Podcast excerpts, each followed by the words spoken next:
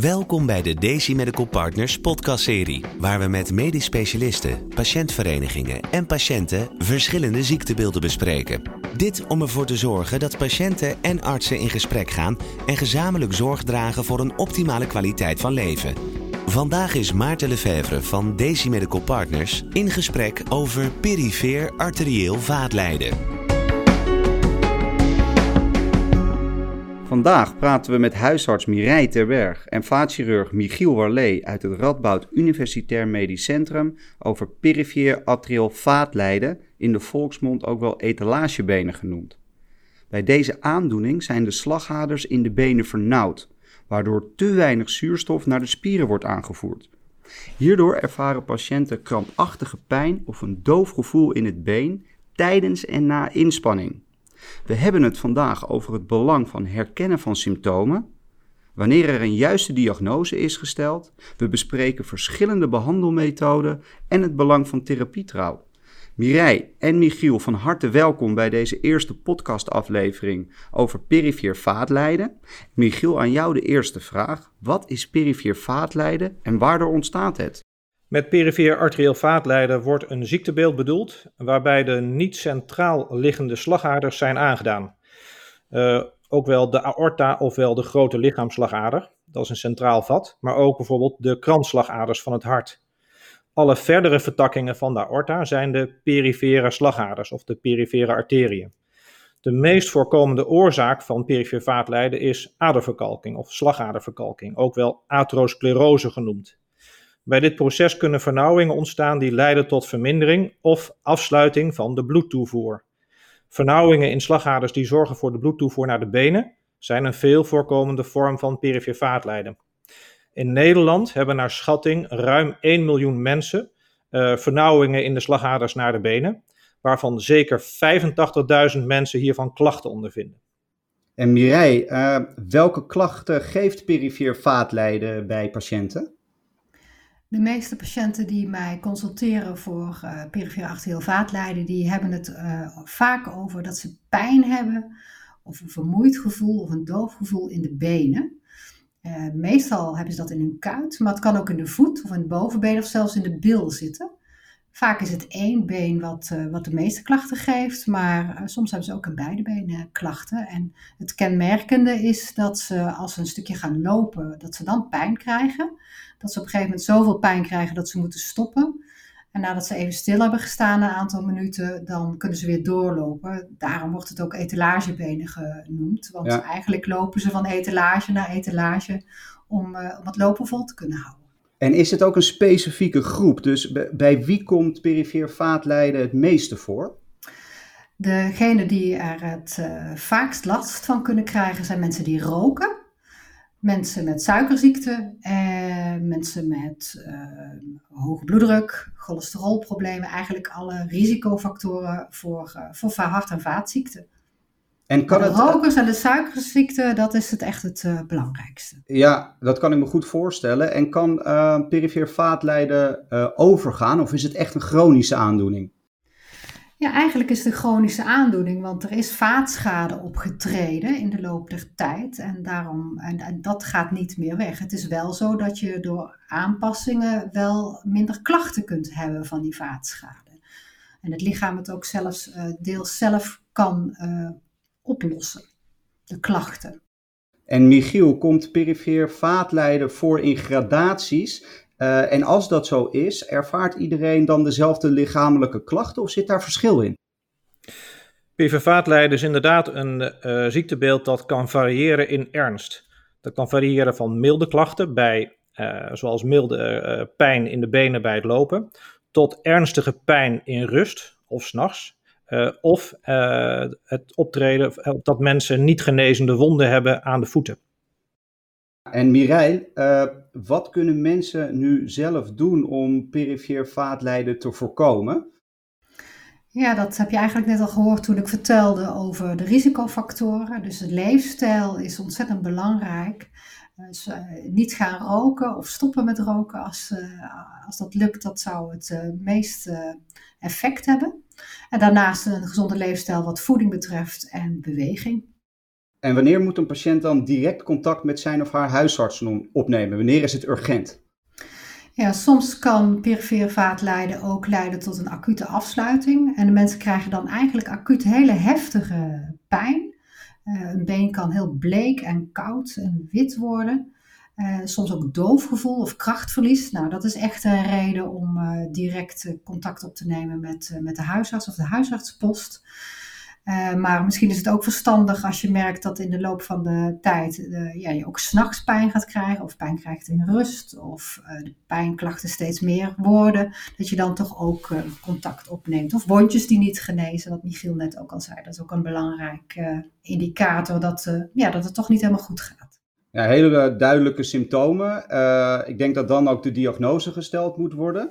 En belangrijk is dat het diagnostische proces inzichtelijk wordt voor de patiënt en dat het duidelijk wordt welke behandelaren hierbij betrokken zijn. Uh, Michiel, wanneer en door wie wordt de officiële diagnose perifere vaatlijden gesteld?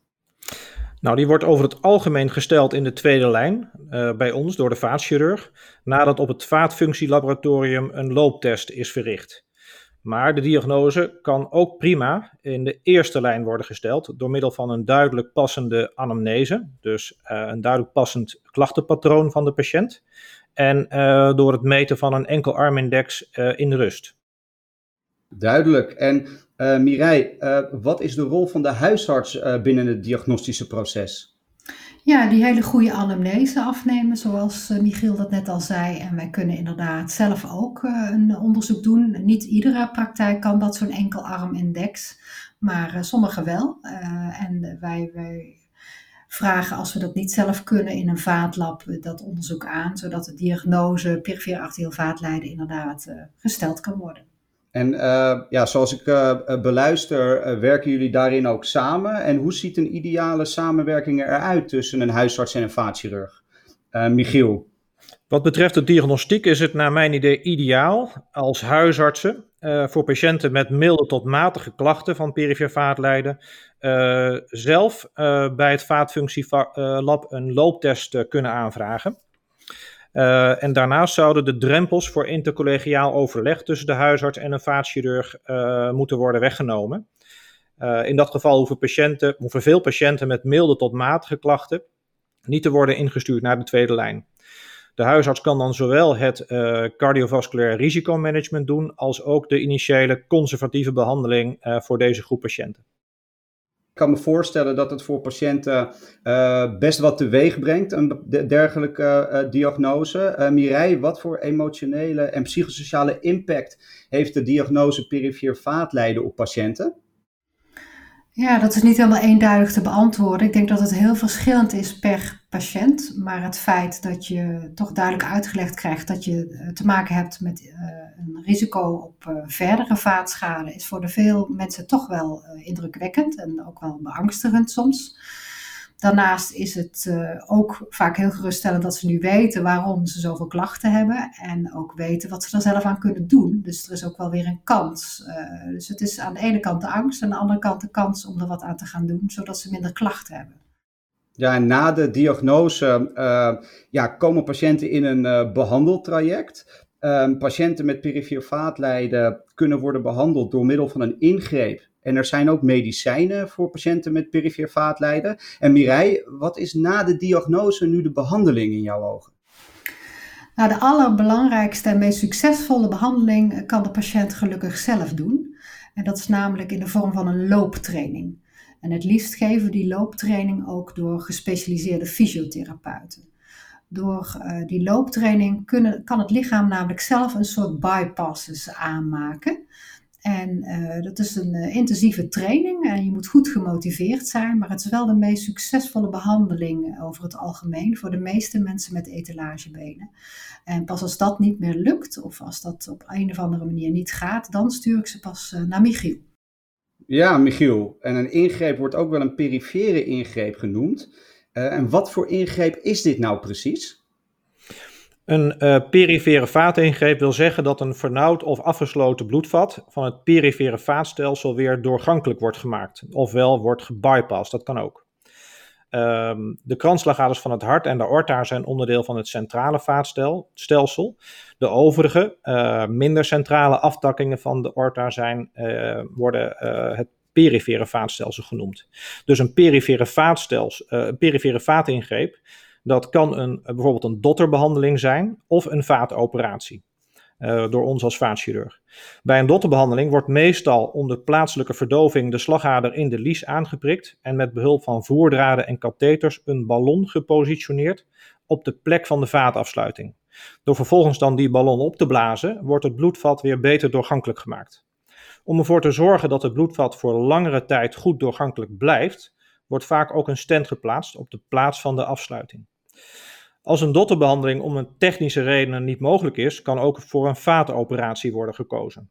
Dan wordt bijvoorbeeld een omleiding aangelegd, zodat er weer voldoende bloedaanvoer is voorbij de vaatafsluiting.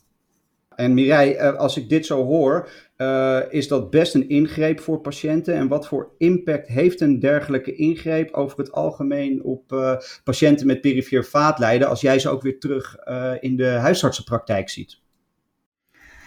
Ja, na een operatie is het natuurlijk altijd belangrijk om te kijken hoe het met mensen gaat. Het wordt in eerste instantie gecontroleerd door, uh, door de vaatchirurg. En daarna, als alles uh, achter de rug is, is het belangrijk dat, uh, dat we kijken naar hoe we ook kunnen zorgen dat het goed blijft gaan.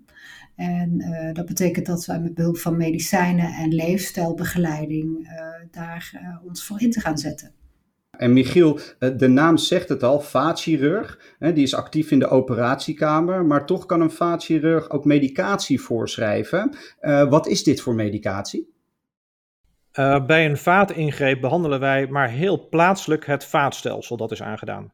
Maar slagaderverkalking kan, zoals eerder gezegd, ook in meer of mindere mate in het hele vaatstelsel voorkomen.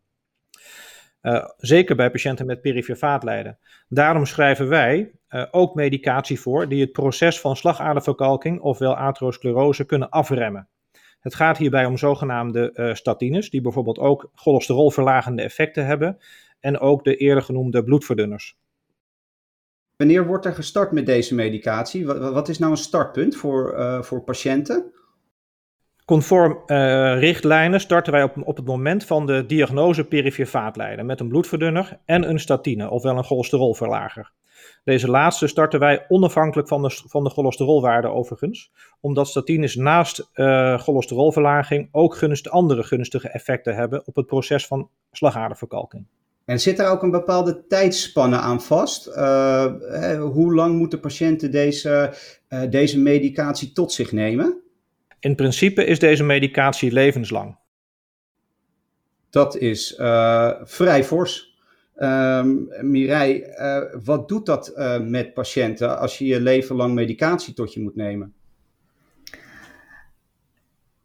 Ik denk dat dat ook verschillend is. Het is bijna niet te overzien. Levenslang klinkt, als het goed is, lang.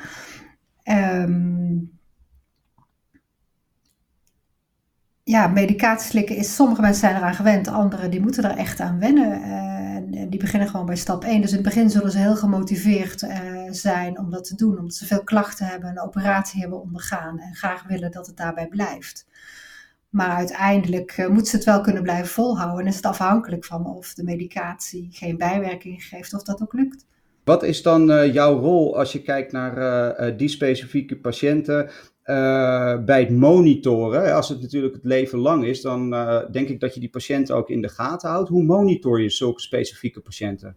Ja, dat klopt Maarten, dat doen we ook. Mensen die bekend zijn met deze aandoeningen van hun vaten uh, of, of een operatie ook hebben gehad, die worden door de huisarts gevolgd en door de praktijkondersteuner die bij de huisarts in dienst is, eigenlijk jaarlijks op zijn minst één keer per jaar uh, kijken hoe het met iemand gaat. Uh, kijken we naar de bloeddruk, kijken we naar de bloeduitslagen van de nieren, de suiker en het cholesterol. Om te zien of alles nog goed uh, loopt en of er niet nieuwe klachten zijn ontstaan. Dus dat is een afspraak die we samen met de patiënt maken om, om dat te blijven volgen, ook levenslang. Ja, en Michiel, als jij de patiënt een tip moet geven, wat, wat, wat moeten deze patiënten weten van deze medicatie waar we nu over praten? In de eerste plaats moeten patiënten weten uh, natuurlijk waarom ze de medicatie uh, moeten gebruiken. En het doel van de bloedverdunnende medicatie is tweeledig. In de eerste plaats wordt het gegeven om de kans op complicaties bij slagaderverkalking te verkleinen. Zo verlagen bloedverdunners de kans op een hartinfarct of een herseninfarct. En daarnaast is de medicatie bedoeld om het proces van slagaderverkalking af te remmen en uh, om bijvoorbeeld een stent of een bypass zo lang als mogelijk doorgankelijk te houden. Dus dat moet de patiënt in de eerste plaats uh, goed, uh, goed uitgelegd krijgen. En daarnaast is het van belang dat ze ook op de hoogte worden gesteld van de mogelijke bijwerkingen van de medicatie.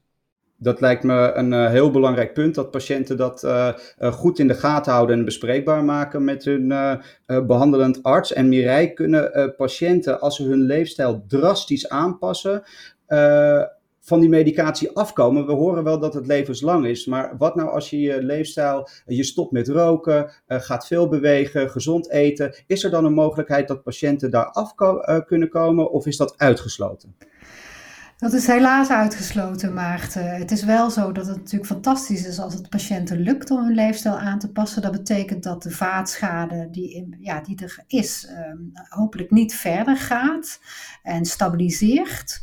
Maar uh, omdat er wel vaatschade is, die niet meer zal verdwijnen, zal er toch een aantal medicijnen levenslang moeten blijven. En dat, uh, dan gaat het over de bloedverdunners en de cholesterolremmers, de statines, wat uh, Michiel net vertelde. Heel veel mensen hebben in het begin ook nog middelen voor de hoge bloeddruk. Dat is een middel wat soms wel afgebouwd kan worden als mensen hun leefstijl drastisch aanpassen. En dan hou je er hopelijk uh, maar twee over. En als patiënten medicatie gebruiken, uh, is het van groot belang dat ze deze medicatie juist en tijdig innemen. En Michiel, wat zijn de gevolgen voor patiënten als zij onzorgvuldig omgaan uh, met het innemen van deze medicatie? Dat hangt er een klein beetje van af. Bijvoorbeeld bloedplaatjesremmers hebben een niet omkeerbare werking op bloedplaatjes. Dit betekent dat het overslaan van één of twee pillen niet direct betekent dat het geneesmiddel helemaal niet meer werkt.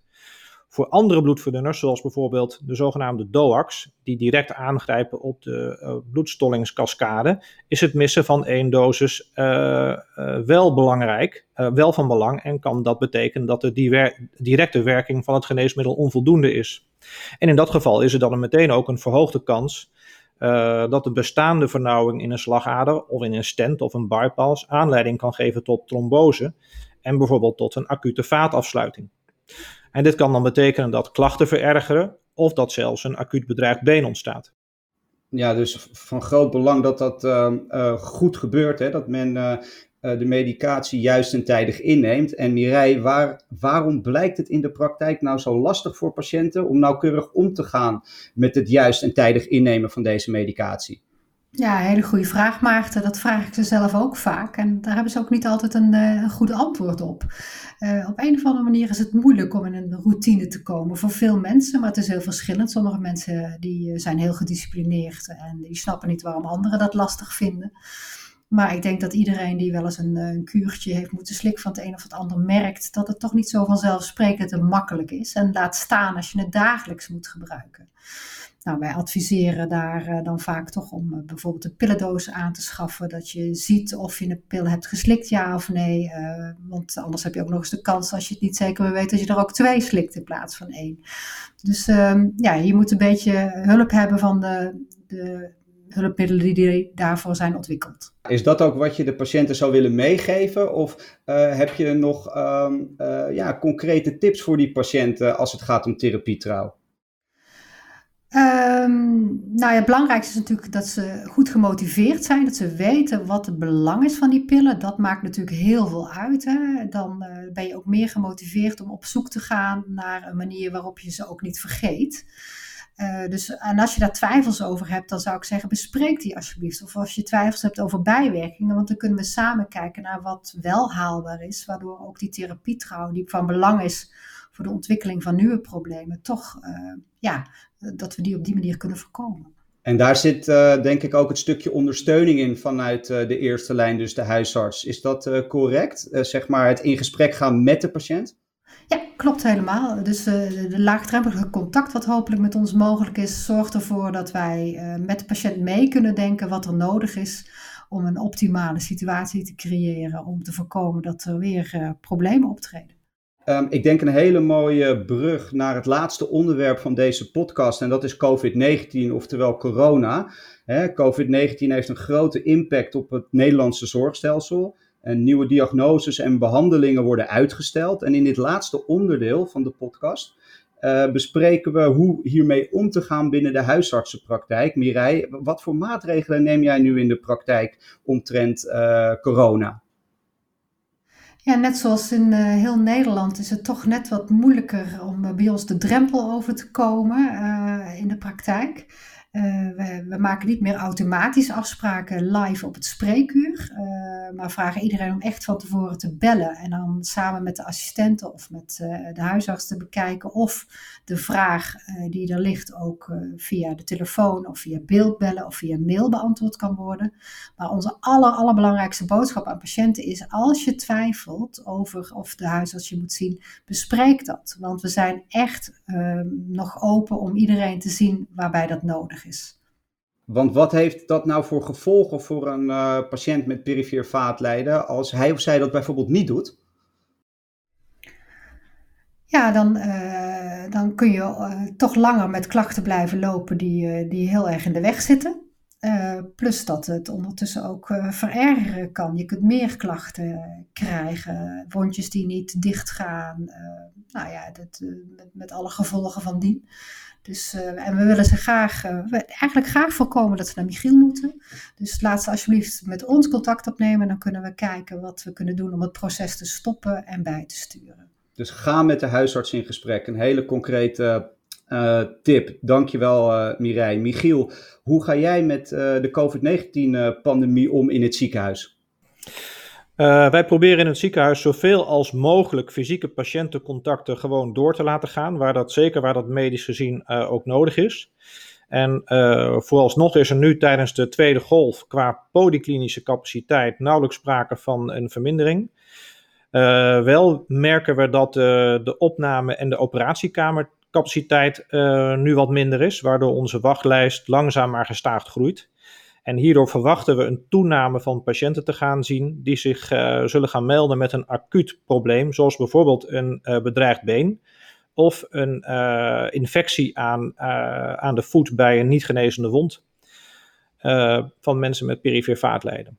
En Mireille, heb jij als afsluiting van deze podcast nog een tip voor de patiënten hoe ze in hun communicatie met de zorgverlener het best met deze situatie om kunnen gaan? Bij twijfel zoek contact, bel en bespreek het. Ja, ik denk uh, dat dit een hele mooie afsluiting uh, is uh, van deze eerste aflevering over perifere vaatlijden. alle patiënten, neem contact op met je zorgverlener, ga de dialoog aan en kom zo samen tot een oplossing. Mireille en Michiel, hartelijk bedankt voor deze deelname en tot een volgende keer. Tot ziens. Graag gedaan. Deze podcast is financieel mogelijk gemaakt door Bayer.